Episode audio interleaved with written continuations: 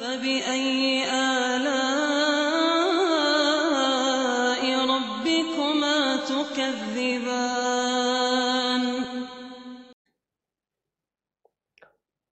Bagaimana cara kita membedakan orang yang benar-benar beribadah dan orang yang riak dalam beribadah? Ini untuk siapa dia bertanya? Kalau dia tanya dirinya, bagaimana saya membedakan diri saya beribadah benar atau saya riak, itu nggak apa-apa. Tapi kalau dia bertanya untuk menilai orang, kamu itu tidak dicipta untuk menilai orang, dia riak atau tidak.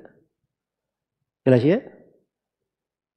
Seorang itu jangan terlalu banyak menyibukkan diri dengan menilai manusia pada hal yang Allah tidak tampakkan di situ.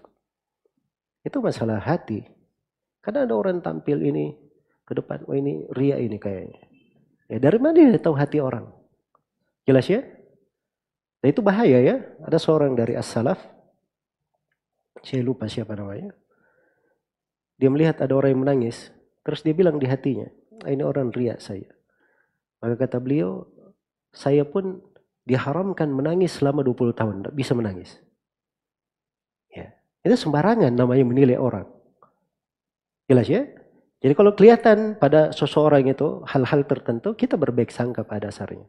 Tapi untuk diri, silahkan pelajari tentang diri. Bagaimana dia ria, bagaimana dia ikhlas, nah, itu memang ada pelajarannya. Itulah pembahasan-pembahasan tauhid di situ. Dan di situ pembahasan bagaimana seorang itu selalu berjelek sangka kepada dirinya. Ya, selalu menundukkan syahwat dirinya. Jangan memandang dirinya itu punya kelebihan. Dan dari selainnya dari hal-hal yang mulia di dalam mendidik dan menggemblang jiwa. Semoga Allah Subhanahu wa taala memberi taufik kepada semuanya wallahu taala.